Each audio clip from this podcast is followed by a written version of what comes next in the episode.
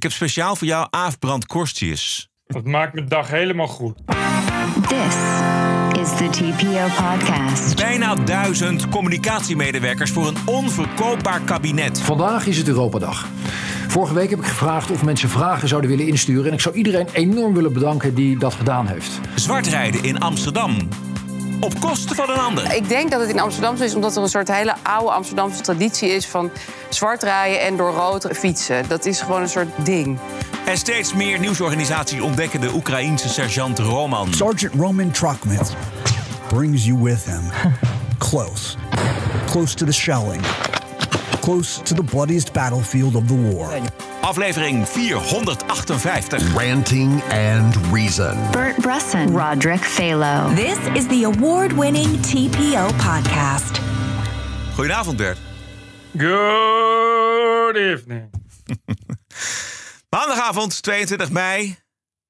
Oud PvdA-Kamerlid Gijs van Dijk daagt kunstenaar en paroolcolumniste Tinkebel, aka Katinka Simonsen, voor de rechter. Vanwege Nou, dat werd beschuldiging. tijd. Dat werd tijd, hè, ja. Vanwege beschuldiging van aanranding van een vrouw binnen de Partij van de Arbeid door Van Dijk.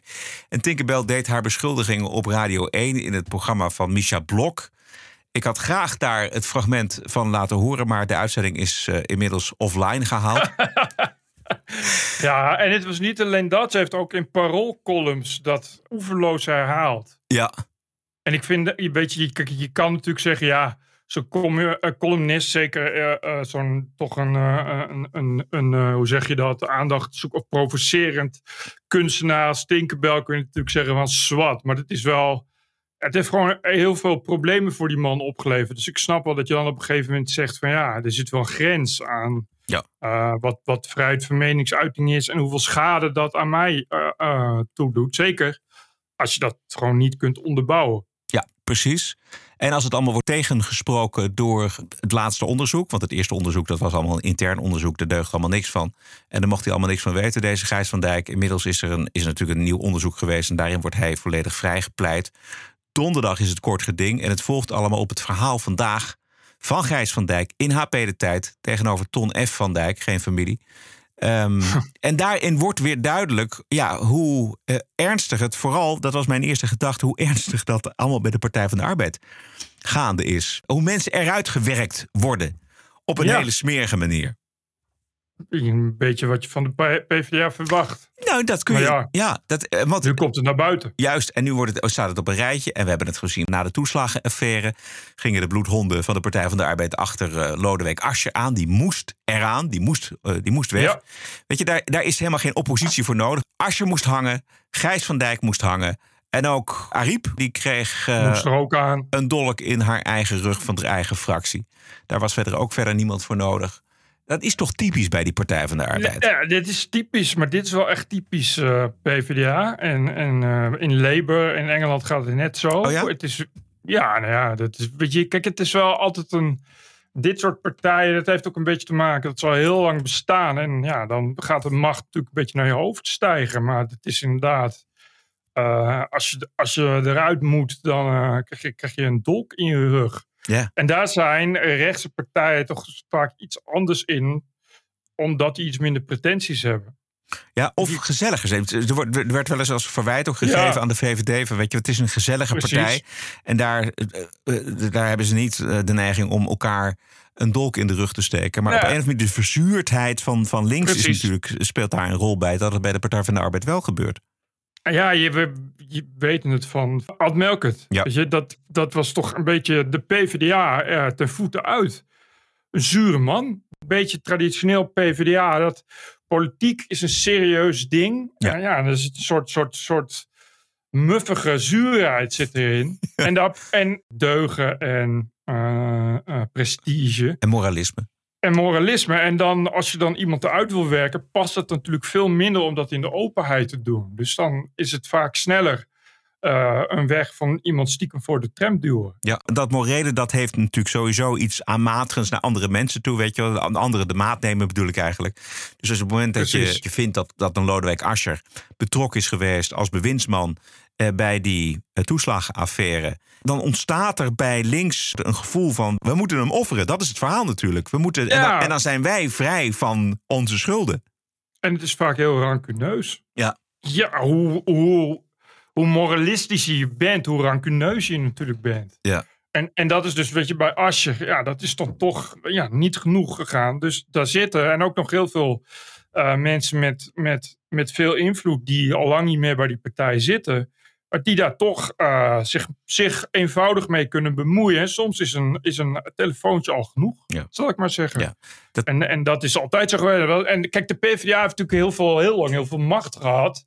Eh, en ik ken wel eh, journalisten die verhalen kunnen vertellen hoe dat destijds bij Vrij Nederland ging, weet je wel. Ja. Dat ze de PvdA-voorzitter hoefde maar te bellen of er kwam gewoon een stuk niet in. Ja, vreselijk. hè? Ja, ongelooflijk. Ja, ongelooflijk. dat ja. is- maar zo ging het gewoon. Ja, ja, zo ging het. Ik raad iedereen aan om onder andere dit onderdeel eh, van het stuk eh, te gaan lezen in HP De Tijd. Het is, ik weet niet of het nog eh, gratis online is te, te Maar- vinden, dat stuk van Ton F. van Dijk. Ja? Wat ik spannender vond, was dat Gijs van Dijk dus zegt eh, dat Rutte toen heeft gezegd tegen Ploemen: als je een coalitie aangaat met GroenLinks, dan krijgen jullie 50. GroenLinks PvdA 25% van, van de kabinetsaandelen. Ja, ongelooflijk. Nou is het sowieso al geinig dat dat kennelijk in aandelen gaat. Kennelijk is het bij Rutte ja, toch, toch zover een, zo, zover een, een, een CEO-idee geworden dat heel Nederland een BV is. ja, een soort koehandel. Ja. Maar, maar mij is toch wel een raadsel waarom hij graag in een kabinet wilde zitten met GroenLinks PvdA. En waarom hij er maar liefst een kwart van Nederland aan wilde eh, opgeven om GroenLinks PvdA samen te zien. Ja. Dat is, Ja. Ik weet niet waarom hij dat wilde eigenlijk. Nee, dat zijn mooie vragen voor aanstaande vrijdag in de persconferentie. Alleen al om de bevestiging. Want het is ook heel belangrijk voor alle VVD-stemmers om te weten dat eh, eh, hun politiek leider zo heel graag eh, aan de slag wilde met de Partij van de Arbeid en GroenLinks.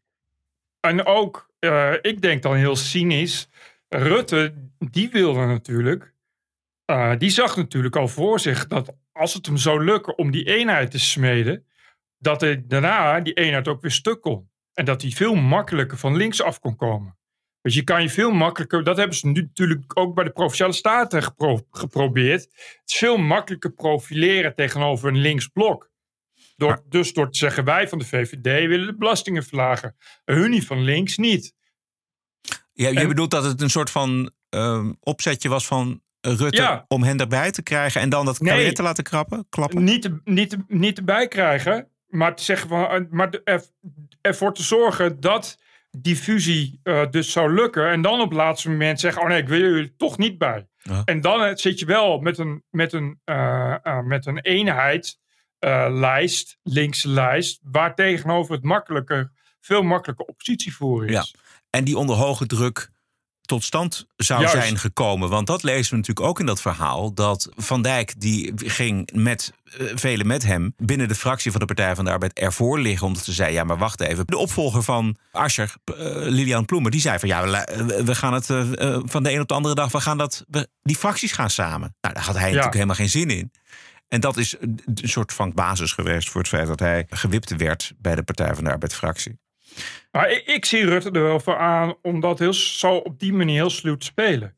Om, om dan uh, uiteindelijk te, te zeggen van ah, sorry, ja nee, ik, ik denk toch dat uh, de, uh, die kabinetspositie toch dat het niet gaat werken. Maar dan zitten zij al met een, met een, een samenwerking die ze niet willen. Oké, okay. ja, nu begrijp ik het. Dus zij zei, ja, ja, precies. Zij, hij, hij belooft iets uh, Ja. om uh, ja, onder druk iets te, te, te laten fuseren wat eigenlijk veel meer tijd nodig heeft. Dat klapt dan, of dat klapt niet. Ja. Maar in ieder geval, hij zegt van ja, nee, sorry, het gaat niet gebeuren.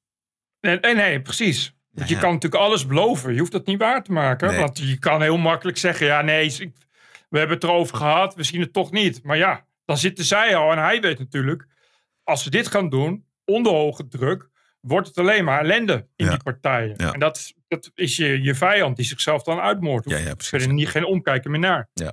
Dus mensen, als Mark Rutte een aandeel belooft, denk nog even drie keer na.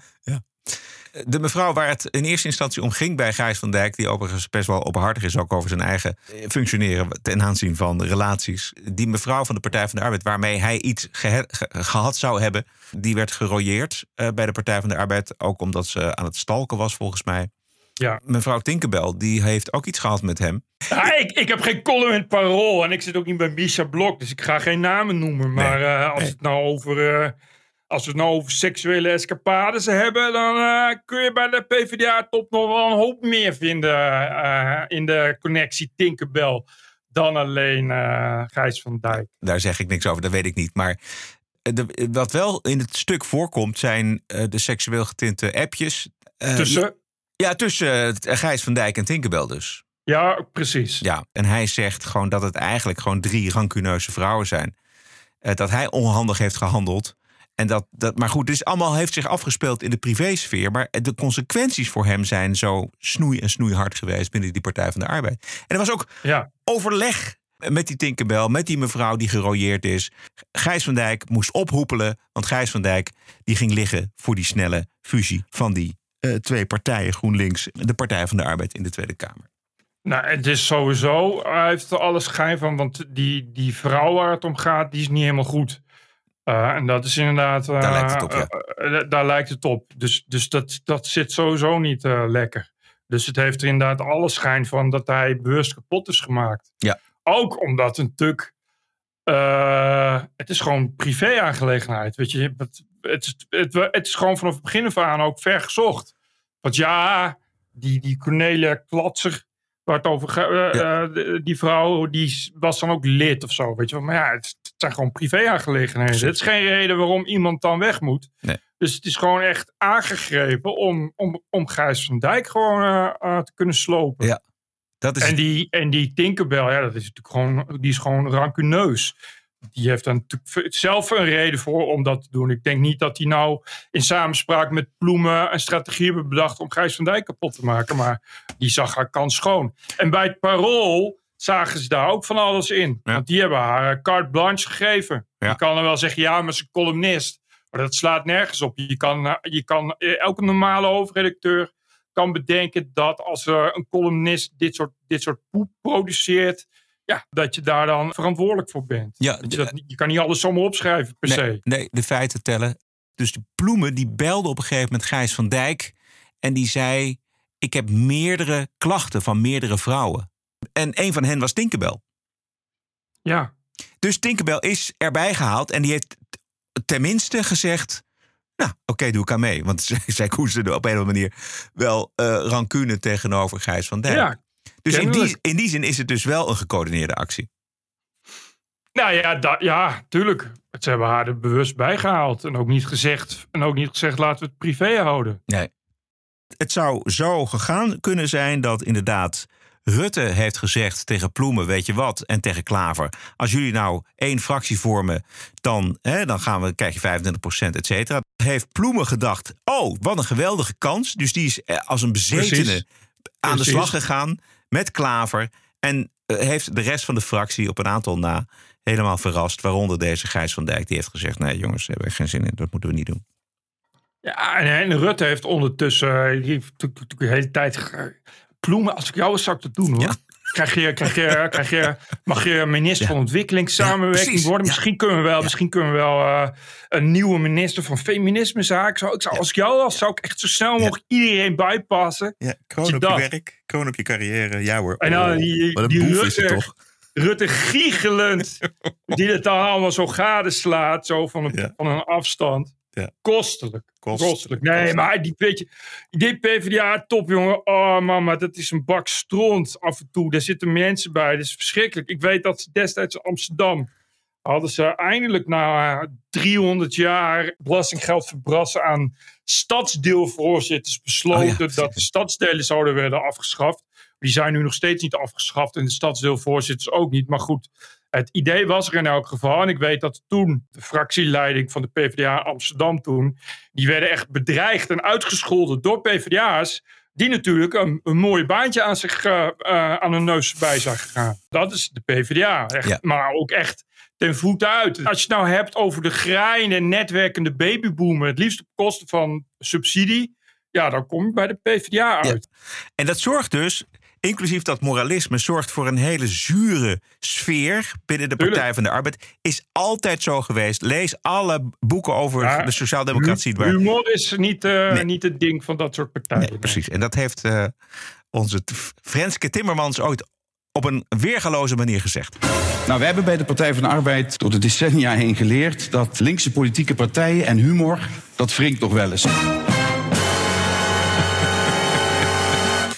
Die houden we erin. Ja, ja eh, veelzeggend hè? Heel veel zeggend, ja. ja. Dat hij zelf, hij dat zegt. Hij is nog een beetje van de humor waarschijnlijk, omdat Ja, hij ja, uit het Limburgse komt. Precies. Hij, hij, hij houdt er nog wel van een, van een slokkie en van, een, van, een, van iets van gezelligheid. Maar dat, eh, dat gaat er niet in. is in, in Volkskrant of NRC gestaan. Dat toen Ploemen minister was, dat dan toch een enorme bitch bleek. Maar toch echt op het niveau, kun je even mijn koffie tillen. En eh, ga, je even, ga je even snel koffie voor me halen tegen, tegen hooggeplaatste kaderleden, weet je. Ja. Dat niveau. Ja. En dat is, maar dat is nooit anders geweest. Ik ken eh, zeker een journalist die destijds voor Vrij Nederland Bram Peper ging interviewen.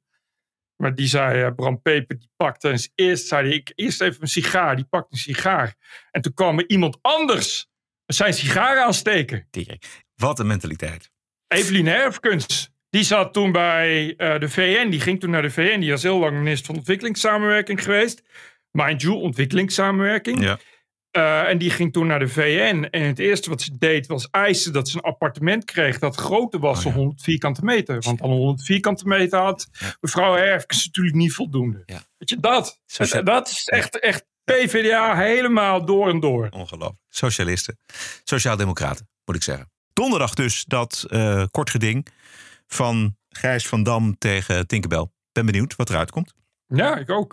Bert Brusen, Roderick Balo. Ranting and Reason. This is the TPO podcast. Afgelopen weekend weer een eh, stuk in NRC over de misdragingen van onderwijsminister Dennis Wiersma. Toch weer meer details over hoe hij met deuren slaat en met eh, medewerkers omgaat. Hoe hij ze toeschreeuwt. Eh, hij versleet in vier jaar tijd vier medewerkers, maar blijkt ook nog 19 communicatiemedewerkers te hebben. En senator Henk Otte die stuurde een Excelletje door, door via Twitter dat het ministerie van VWS 73 communicatiemensen in dienst heeft. Deels vanwege de coronapandemie, maar goed. De premier heeft er 53. En het hele kabinet heeft er 936. Dus bijna 1000 communicatiemedewerkers. En dat leidt dan onder andere tot filmpjes als deze.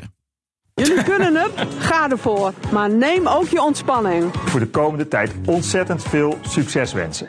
Zet hem op.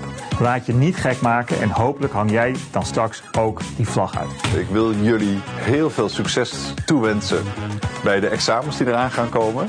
Ja, precies. U hoorde onderwijsministers Robert Dijkgraaf en Dennis Wiersma in dit filmpje. Ja. Ik kan niet meer. Telkens als ik een film van Dennis Wiersma zie, ben ik bang dat hij gaat schreeuwen. Eh, Het is ook dan, eh, dat hij dan ineens stopt en dan dat er buiten beeld iets gebeurt. Dat hij gewoon helemaal losgaat. Ja. Weer die hengel in beeld. Wat had ik gezegd? Weet je gewoon dat je ook denkt. Ik, ik kan gewoon niet meer normaal naar die minister kijken. Nee, maar die plaatsvervangende eh, angst had ik ook. Want ik zag nog net eventjes voor deze uitzending een interview van eh, RTL-verslaggever Marieke van der Zilver met hem. Eh, en dan denk je, je kijkt naar zijn ogen en je denkt, hij, hij gaat zo meteen slaan. Of hij gaat met deuren slaan of wel boos weg. Maar dan denkt hij toch nog van, ja maar wacht even, er draait een camera van RTL en ik moet me gedragen. En dat vind ik eigenlijk het laaghartige van zijn eh, gedragingen. Dat hij dit bijvoorbeeld niet doet tegenover zijn onderwijsminister Robert Dijkgraaf. Hè, die, die, de- de- Nee. Hij misdraagt zich naar min- mensen die op een, op, een, op een lagere treden in de ladder staan. En dat vind Ja. ik terug. Ja, maar het is wel echt dodelijk. Want je, je kan dus niet meer normaal naar hem kijken zonder dat te Ja. denken. Ja. Dat is dus, dus, dus, dus, de erg van het, hele, van het hele verhaal. Daarom moet hij ook weg, oh, eh, vind ik. Ja. Omdat je dit gewoon niet... Ja, je krijgt dit gewoon niet meer weg. Weet je, je gaat er... En man, dit soort lui hebben zoveel mazzel... dat er in Nederland eigenlijk... Ja, toch al, alle journalistiek te braaf is. Dat het niet, niet, niet snoeiharde tabloidjournalistiek is Ja. Als je dit in, in het Verenigd Koninkrijk doet, dan krijg je gewoon elke dag, de hele dag, iemand die je gaat uitlokken. Net zolang tot je een keer doorslaat op camera. Er hoeft maar je- één van die medewerkers te zijn die dit heeft opgenomen... of die dit een keer gaat Ja. opnemen op zijn telefoon... en dat eh, laat lekken naar de pers. Beste Ja. ambtenaren, als jullie materiaal hebben... van een totaal woedende Dennis Wiersma... stuur het aan ons op. Ons adres is heel simpel. info.tpo.nl dan, komt Ja. het, eh, dan komt het bij ons terecht. Eh, en wij gaan het uitzenden. Sowieso. Als je eh, met Dennis Wiersma werkt dan, en je hebt besprekingen waarvan je denkt dat het wel eens gespannen zou kunnen worden voor Dennis, de penis, dan moet je gewoon zorgen dat je stiekem opneemt. Dat is in het landsbelang. Ja, zeker. zeker in het landsbelang, absoluut. Tuurlijk wel. Het is ook in ons belang, maar wij doen dat dus voor, een, voor de democratie. Juist, zeker. Want dit is een overheidsdienaar op het allerhoogste niveau die zich misdraagt en die al, nou, Ja. al, al tig communicatiemedewerkers en persoonlijke medewerkers heeft afgewerkt. Even één klein stukje uit dat NRC-verhaal van zaterdag. De VVD-fractie in de Tweede Kamer zit met een probleem. Het is 2019 en het jonge Kamerlid Dennis Wiersma, dan 32, die in de partij geldt als een groot talent, barst voortdurend in woede uit tegen zijn persoonlijke medewerker. Als iets hem niet bevalt, schreeuwt hij tegen haar en slaat hij met deuren. Hij verlangt van zijn medewerkers dat ze zijn kamerwerk inhoudelijk ondersteunen en ook evenementen organiseert met Wiersma als middelpunt. Zijn behoefte aan profilering is groot, merken medewerkers en andere Kamerleden. Als er iets niet op tijd af is, wordt hij boos. Anderen zien zijn medewerkster regelmatig huilend op de gang of bij de wc. Je kan er toch niet zo minister zijn? Nee, dat kan echt niet. Kijk, ze zijn aan het werk. Maar dit gaat niet meer goed komen.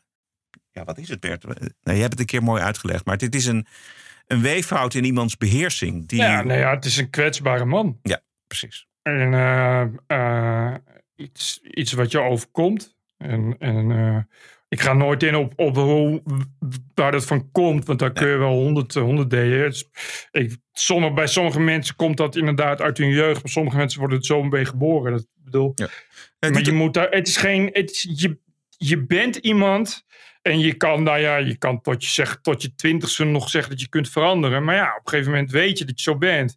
Dan moet je gewoon geen minister worden. Je kan niet en zo zijn en zo'n prominente leidinggevende functie hebben. Dan moet je gewoon dan onderkennen. Zoals ik het lees is het echt heel ernstig. Niet één keer per jaar of zo. Nee, precies. En, en het kost dus heel veel. Het kost, dus, kost dus niet alleen heel veel geld, maar heel veel carrières van mensen. Ik, ik las dat ministeries gebruik maken van een pool voor interim woordvoerders. Dus een, stuk voor stuk persvoorlichters met heel veel ervaring. Maar Ja. voor de klus, voor Wiersma, is helemaal niemand te vinden meer. En uiteindelijk wordt er dan een ZZP'er ingehuurd die dat werk gaat doen. Maar de- het is inmiddels, in de hele overheid is het bekend dat, dat je niet voor Wiersma moet werken. Zelfs niet als je gepokt en gemazeld bent en al twintig jaar op het binnenhof rondloopt als persvoorlichter of als communicatiemedewerker. En dat is heel schadelijk voor, voor ons, voor, voor het land. Ja, tuurlijk. En, maar het kost hem ook heel veel. Je wordt hier niet oud mee op deze manier. Je, je- en, eh, nou ja, je- dat weet ik niet. Maar het is, het is niet iets wat je van je af kan zetten of zo. Dit is iets wat hij mee naar huis neemt. Dus zijn gezin heeft er ook last van. Precies. Als hij dit op zijn werk is, is hij dat thuis ook. Nou goed, wie, wie ooit eh, iets heeft opgenomen, nou, moet, wel, moet wel echt zijn. Geen AI en Nee, zo. precies. Nee, nee, nee, nee, dat gaat niet goed. Nee. Ons adres info.tpo.nl.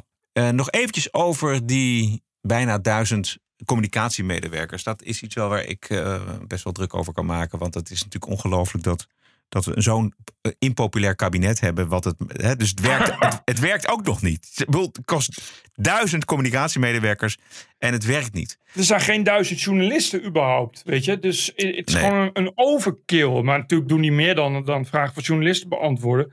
Maar duizend... De obsessie met beeldvorming.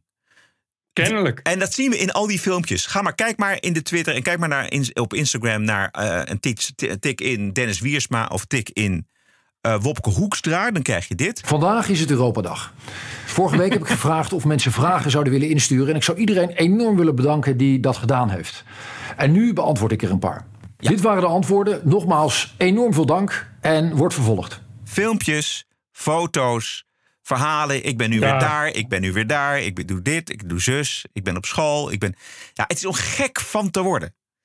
En dat is allemaal belangrijk, vinden zij belangrijk, want je leest ook ook in dat stuk in NRC zaterdag, hoe, hoe, enorm Wiersma zich bemoeit met eh, of die wel van de goede kant wordt aangeschoten, et cetera. Weet je wel, allemaal heel erg ijdele toestand. Maar eh, die, die profileringsdrang is echt weerzinwekkend. En terwijl die ministers moeten gewoon aan de slag, moeten gewoon hun werk doen. En dat doet dit kabinet. Dit kabinet brengt niks voor elkaar.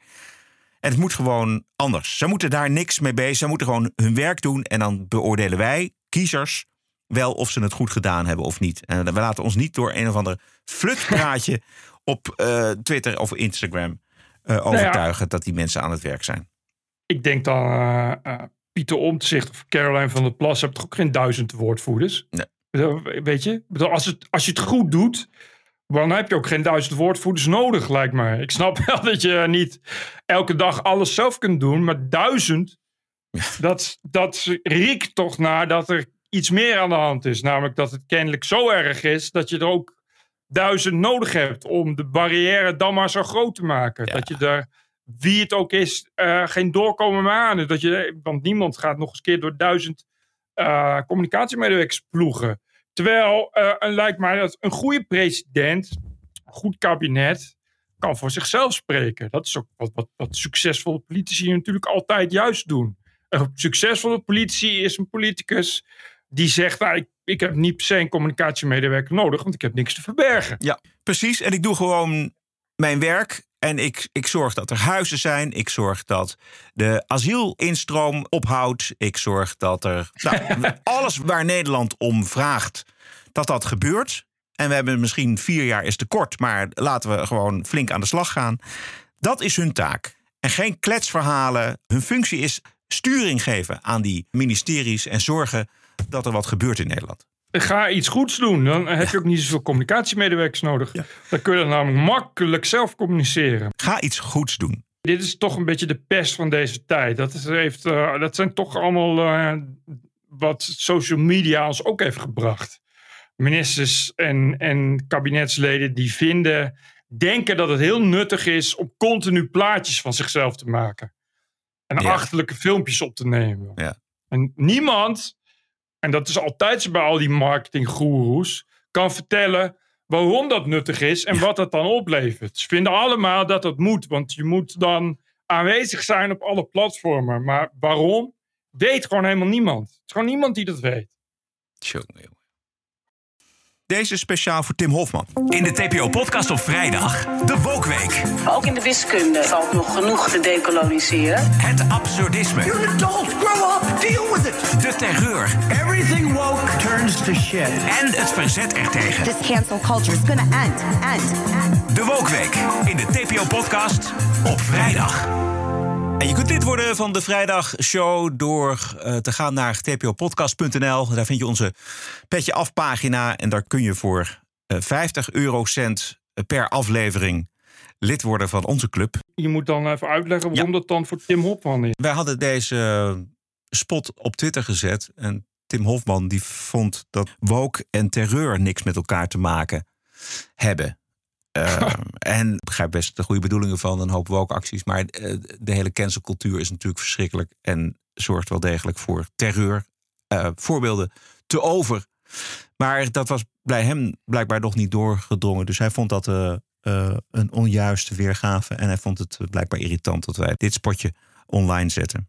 Nou, ja. nou, Tim Hofman is welkom om daar met ons over te praten in de podcast. Ja hoor. Maar het probleem is bij dat soort mensen dat als je het vraagt, dan zeggen ze nee, want dat mag niet van uh, de communicatieafdeling van de publieke omroep waar ik werkzaam ben. Ja. Dus ja, weet je, dan uh, is dan, maar ja, je wil wel uh, vanaf je Twitter-account daarover schieten, maar wij staan open om Zeker. daar verder over in debat te gaan, weet ja, je. Leuk zelfs. Maar wij zitten niet vast aan een format en wij worden niet betaald van belastinggeld. En wij zitten niet vast aan een bedrijf wat zelf helemaal dichtgetikt is uit angst voor een slechte naam. Dus ja, misschien moet je dan kiezen wat je wil.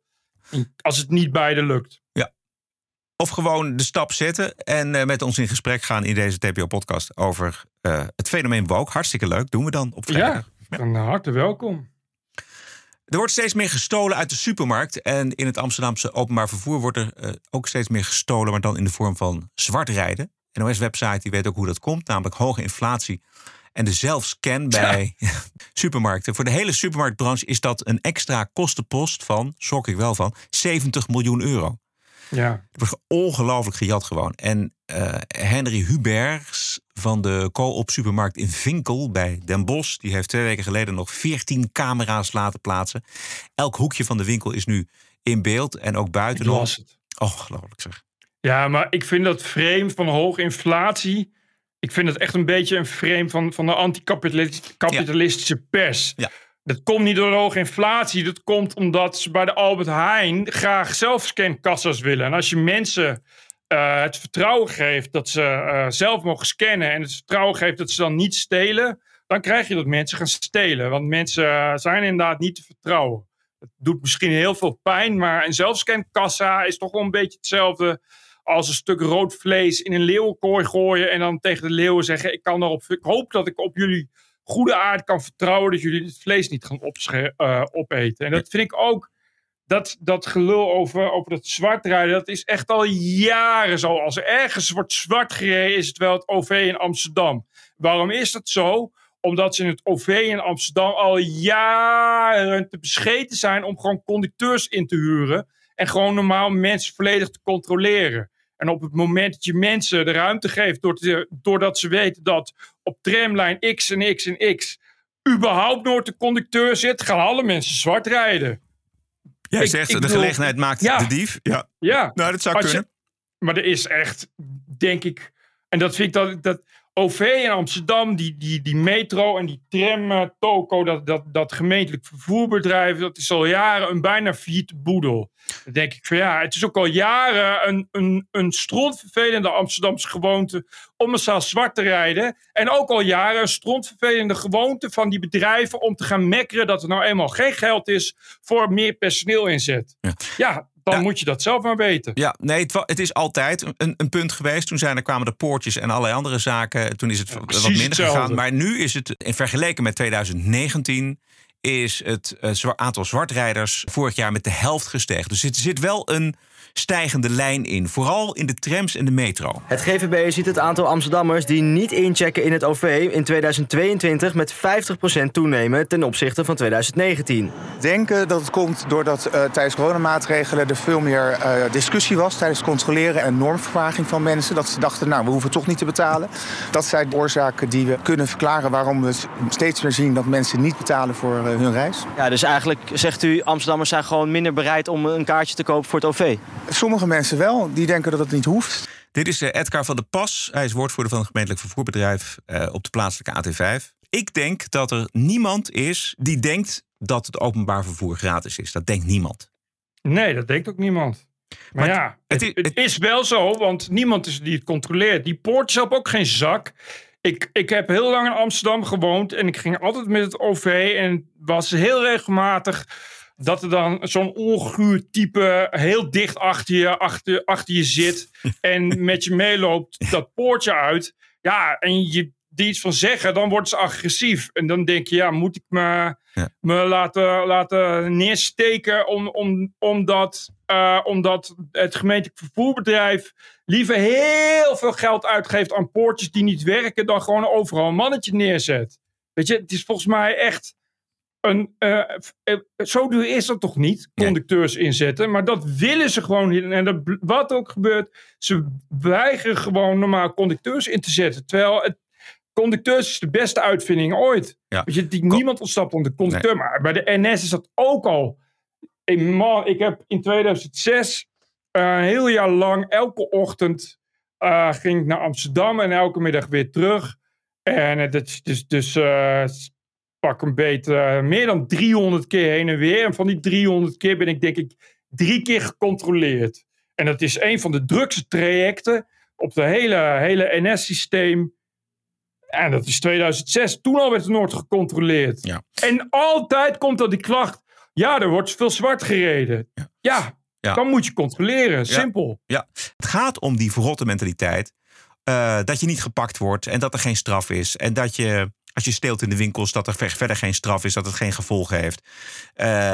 K- kook snuiven omdat het kan, inbreken omdat het kan, fietsen jatten eh, omdat het kan, zonder te betalen met de tram en de metro, omdat het kan. Ja, eh, omdat die, die bedrijven en de overheid zich steeds verder heeft teruggetrokken. Dat weten die lui ook. Maar ik, ik, ik heb uh, dus, ik woonde vlakbij uh, metrostation Waterloopplein, maar, maar dan de achteruitgang aan het, aan het Hortusplantsoen. En dat is een, een weinig gebruikte in- en uitgang. Ik heb daar nog nooit, letterlijk nog nooit iemand gezien van het GVB.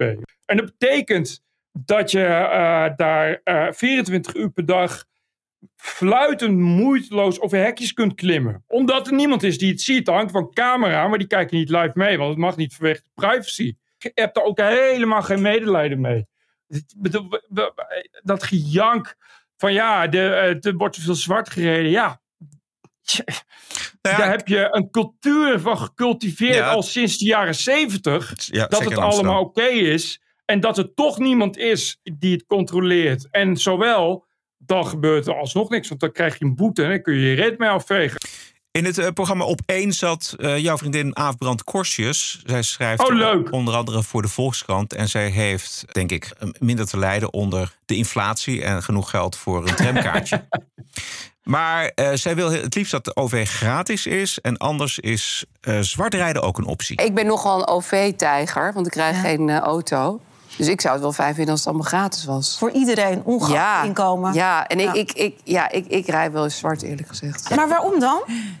Nou, ik, ik check wel eens in met mijn pinpas, want dat kan tegenwoordig ook. Maar soms pakt hij hem niet. En dan heb ik zoiets van, oh, oh overmacht. Jammer. Ja, oh ja, hey, zo. daar kan ik allemaal niks aan zwart doen. rijden. Ja, en het is ook iets... Ik denk dat het in Amsterdam zo is, omdat er een soort hele oude Amsterdamse traditie is... van zwart rijden en door rood rijden, fietsen. Dat is gewoon een soort...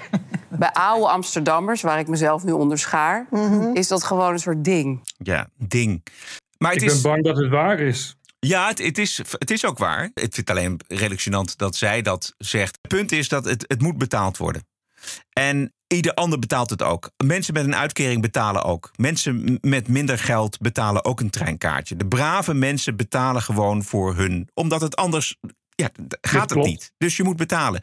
En het Dit feit klopt. als je dan zoveel, als je dan genoeg geld hebt en je denkt, nou ja, ach, het is niet gelukt met mijn pinpas. Nou, ik loop maar gewoon door. Ik vind het gewoon asociaal gedrag. Ja, maar dan zeggen ze namelijk... ja, maar dat zijn allemaal gemene, stomme bedrijven... en OV moet gratis zijn. Ja, alles moet gratis zijn. Ik wil ook graag een gratis huis met een gratis zwembad.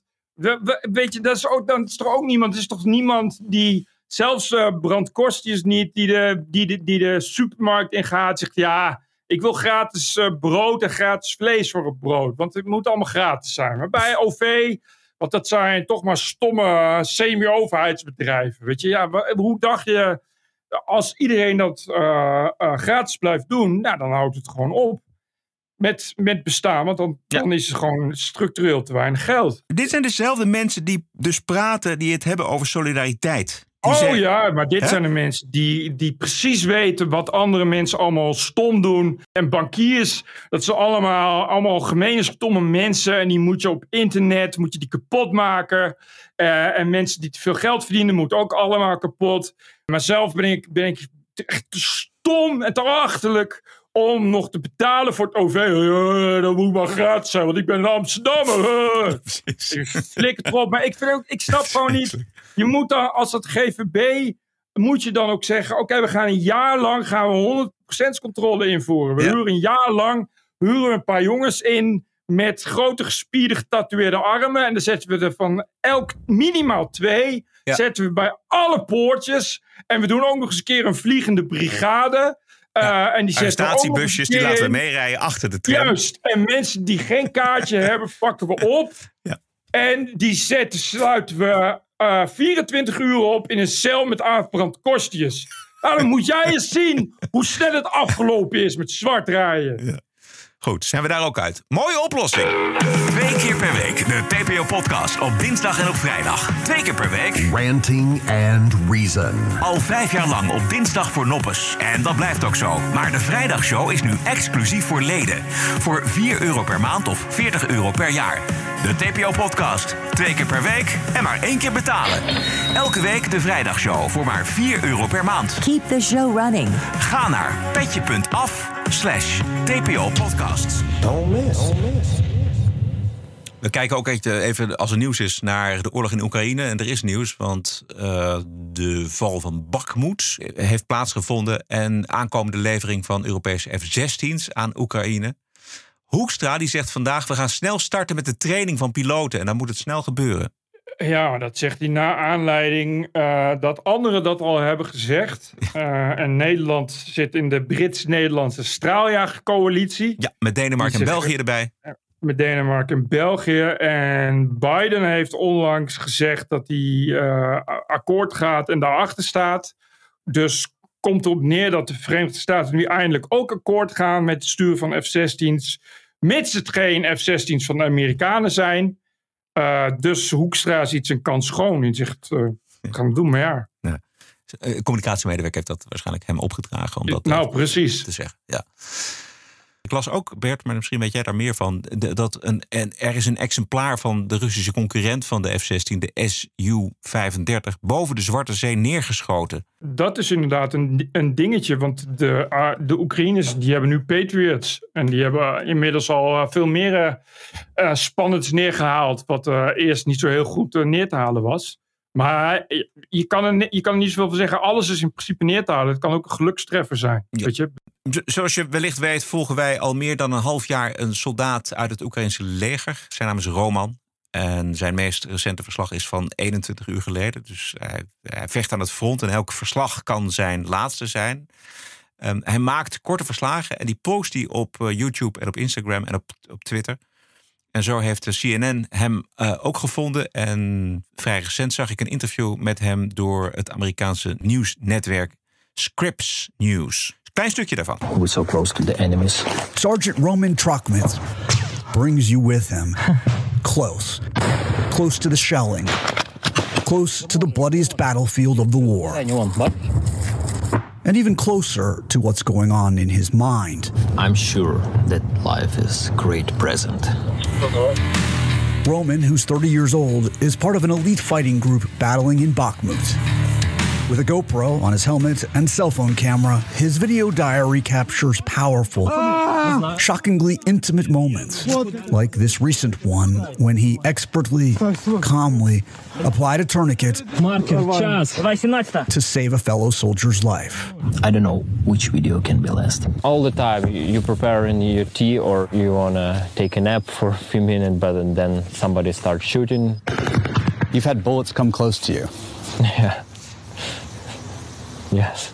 How close? The closest one was this huge machine gun tried to kill me. A bullet hit the water pack on his back. And it's bullet from big caliber. Yeah, you're not going to survive that. Yes, yes. If it will be in my body, it will go over. Yeah. And how did you feel after that? Damn. Okay. What will be next? Fights continue everywhere. But still, my emotions is calm. I'm 100% concentrate. Have you always been such a calm person? No, I'm a very emotional person, actually. In the battle, when emotion overcome your logic, uh, you can easily die and die more quickly than if you control your emotion. Sounds of war. Many people look at me at the battle. If they see panic on my face, it will spread so fast. This is about mind discipline. Hij wordt nog eens een echte ster op deze manier. Ja, hè? Hopelijk uh, uh, blijft hij in leven. Het scheelt soms maar een paar centimeter. Hij heeft geluk tot nu toe. Ja, je gaat bijna denken dat hij, uh, dat hij ervoor gemaakt is. Ja. Dat, gewoon, dat hij gewoon niet te raken is. Want hij blijft ook maar gewoon koelbloedig ja. aan het front zijn, zijn dingen doen en updaten. Ja. Maar ik denk dat hij misschien na de oorlog kan hij nog ver komen als, als in het lezingencircuit en uh, ja. uh, televisie en zo. Ja, het, het, interview duurt nog veel langer, dus je kunt dat uh, vinden op het YouTube-kanaal van deze Scripps News met dubbel P. Alright. Ik heb nog even opgezocht, maar dit is, die, het is een Sukhoi 35. En ja. dat is inderdaad een beetje het beste wat ze hebben, de Russen. En die is inderdaad neergehaald, maar wel boven Oekraïns gebied. En dat is gewoon neergehaald met air defense. Dus het is inderdaad luchtafweer geschud. En die Sukhoi was waarschijnlijk ook onderweg om dat luchtafweergeschut te vernietigen. Okay. Ik lees hier dat Rusland 82 vliegtuigen heeft verloren tot nu toe. In de, en ze hebben er ja, een paar duizend. Goed. Ik heb nog, als je zin en tijd hebt, een, ik heb nog een bonusquote. Ja, gaan we horen. Gaan we die doen? TPO Podcast. Dat hele verhaal rond Epstein. En er schijnt toch meer geweest te zijn tussen de linksradicale Noam Chomsky en kinderverkrachter Jeffrey Epstein. Het, het blijkt om grote bedragen te gaan. Nou, het- 4,5 ton toch? ja, het gaat om heel veel geld. Dit is het eh, fantastische Breaking Points, Crystal en Sagar over Chomsky en Epstein. We now have proof from the Wall Street Journal that Jeffrey Epstein moved $270,000 for Noam Chomsky and paid an additional $150,000 to an academic named Leon Botstein. So, what the journal says is that this transfer between accounts for Noam Chomsky, the two academics, have all been confirmed both by Chomsky as well as financial records that the uh, Wall Street Journal has been able to get their hands on. Says that Chomsky met with Epstein, not just the one time that we had pro- previously said, but actually on multiple occasions. Now, Chomsky says that they, quote, met occasionally to discuss political and academic topics. Uh, you know, with Chomsky, he doesn't really have a particularly good explanation. Nee. Nee. Maar je gaat er ook niet met Epstein praten over politieke en wetenschappelijke zaken. Vast niet. Nee, dat is één. En twee, wat doen die bedragen tussen die twee? Ja. Het gaat om 273 en additional 150. Kom je dan uit op 400? Ja, zoiets. Ja. 4 ton. Ja. En eh, Bill Gates, heb je dat gelezen? Ja, wat is daar precies aan de hand, Bit? Het enige wat ik ervan las was dat Epstein had ontdekt dat Bill Gates vreemd ging. Eh, en dat dus eh, Epstein had gedreigd dat te gaan outen. Tenzij, en ik heb verder niet echt meegekregen wat, wat het tenzij is of wat er verder gebeurd is. Maar in elk geval eh, dat, dat Epstein dirt had om Bill Gates. En dat het daarom dus in elk geval contact was tussen Bill Gates en Epstein. Ja. Het is ongelooflijk dat dit soort namen de- de ronde doen in dit hele Epstein-verhaal. We weten nog niet voor 100% zeker. In dit geval van die, van die Chomsky dus wel. Want dat heeft ook de Wall Street Journal naar boven gehaald. Maar het, eh, en als er dit soort grote bedragen spelen. Natuurlijk is die Epstein een, een, een, een kerel, een, een gewetenloze gast. die bereid is anderen te chanteren. Ook, ook met Bill Gates natuurlijk. Hè? Ja, ik zou natuurlijk. Ja, Bill Gates, dit lijkt me een beetje de belangrijkste man die je kan hebben. Nou. Dus het zal eh, bij Epstein niet om geld gegaan zijn, maar wel om connecties en weet ik veel wat. Of, of gewoon wel om geld. Dat Ja, dat ook. zou weet kunnen. het- Ik weet, Ja. ik weet Ja. het verder niet. Ja. Maar ja, ik, want volgens mij zo, zo is nog altijd een soort van raadsel hoe die Epstein aan al zijn geld is gekomen. Ja, ja, nou, ja precies. En dit- Ik, ik weet dat er, dat er mensen zijn die er heel verstand van hebben. Die zeggen dan van ja, met alleen, alleen de handel op de beurs zoals hij dat deed, kan hij nooit zo rijk zijn geworden. Nee. Dus dat zou kunnen, maar we weten het niet zeker. Dat zou kunnen betekenen dat er dus heel veel geld afgetroggeld is via chantage van Bill Gates, van Chomsky. Je weet het maar nooit. Bill Chomsky had natuurlijk voor zichzelf misschien ook een grote reputatie. Ik kan me niet voorstellen dat daar meisjes. nou goed, in Nee, dat- nee, maar- maar ja, je weet het niet. Het zal wel om onderzoek gaan. Dat moet natuurlijk gefinancierd worden. Oh, dat en, eh, ja. Dat is natuurlijk eh, in, in de Verenigde Staten net zo lastig als in Nederland. Dus, dus ja, weet je, bovendien voor Epstein is vier ton peanuts. Maar ik dacht bij Bill Gates wel van ja, je, ik zou tegelijkertijd eh, zou ik geen ruzie willen hebben met Bill, Bill Gates. Ik bedoel, je kan dan wel, wel eh, denken dat je iemand kan chanteren. Dat is een beetje de vraag of dat kan. Weet je zeker dat je Bill Gates wil chanteren? Lijkt me. Weet je zeker dat je de machtigste en rijkste man op aarde wil chanteren? Ik zou er nog steken over nadenken. Dus ik dacht meteen, nou, die zelfmoord van Epstein. misschien die, die, die keurige nerd van eh, Microsoft wel weer een handje in. Er druppelen dus van dit soort nieuwtjes naar buiten. En het is buitengewoon interessant. Omdat we nog zo ontzettend veel niet weten. En eh, dit, dit zijn twee mensen die ook. nog. Dit zijn twee, precies, dit zijn nog twee mensen die gewoon eh, die leven en die dus eh, de waarheid kennen. Zowel deze Chomsky als Bill Gates. Ja. Het kan bijna niet anders dan dat er natuurlijk veel belangrijkere en veel bekendere mensen daar ook iets Ja. met die Epstein. En het, en het zou mij niks verbazen als die Epstein inderdaad veel slechter was nog dan dat we nu weten. Dus niet alleen een viespeuk, maar inderdaad eh, gewoon, een, gewoon, een, gewoon een sociopathische charlatan. ja, gewoon afpersen. Dus, die- dus ik denk dan, Weet je, ik, ik- laat ik het zo zeggen, het zou mij helemaal niets verbazen als, als er inderdaad blijkt dat Bill Clinton en Epstein meer dingen hebben gedaan die het daglicht niet konden verdragen dan dat we nu weten. Al die zaken hebben plaatsgevonden nog voor de MeToo-tijd. Dus die, dat, dat toen op een gegeven moment MeToo begon... dat is Precies. natuurlijk een zegen geweest voor die Epstein. Want die had waarschijnlijk allemaal dingetjes... Ja, waarmee hij andere mensen kon chanteren. Wat een antwoord kan zijn op het feit dat de man zo ongelooflijk rijk is geweest. Omdat hij ook precies wist... zich Exact. omringde met hele rijke mensen. Ik bedoel, de Clintons waren ook natuurlijk eh, hartstikke rijk. Of zijn hartstikke rijk. Dus daar Nee, valt alle, precies. gewoon geld te verdienen op die manier. Nou, precies. Nou ja, weet je, als je ook een beetje en eh, ook maar iets van de oppervlakte van die complottheorieën wegkrabt, dan denk je, jezus. Dus als maar eh, 1% waar is, is het al fascinerend en ernstig. Nou goed, laatste woord is daar zeker nog niet over gezegd. Dit was het. Want wij zijn er elke dinsdag, elke vrijdag online via je favoriete kanalen. Vergeet je abonnement niet voor de vrijdagshow. Je steunt ons, ons werk, TPO Podcast, eh, voor al minder dan 50 eurocent per aflevering. Dat is 4 euro per maand. En daarvoor krijg je dus twee keer per week de podcast met op vrijdag de one and only Wookweek. tpopodcast.nl Heel veel dank. Stay cool. En tot vrijdag. Jij er ook, Tim Hofman. TPO Podcast. Bert Bruson, Roderick Balo, Ranting and Reason. Stay focused. Talk about things that matter to people. You know? It's the economy, stupid. Okay? Podcasting is the TPO podcast in the Netherlands. Bert and Roderick. What a show. I'm telling you. Keep the show running. Go to tpo.nl slash podcast. Thank you.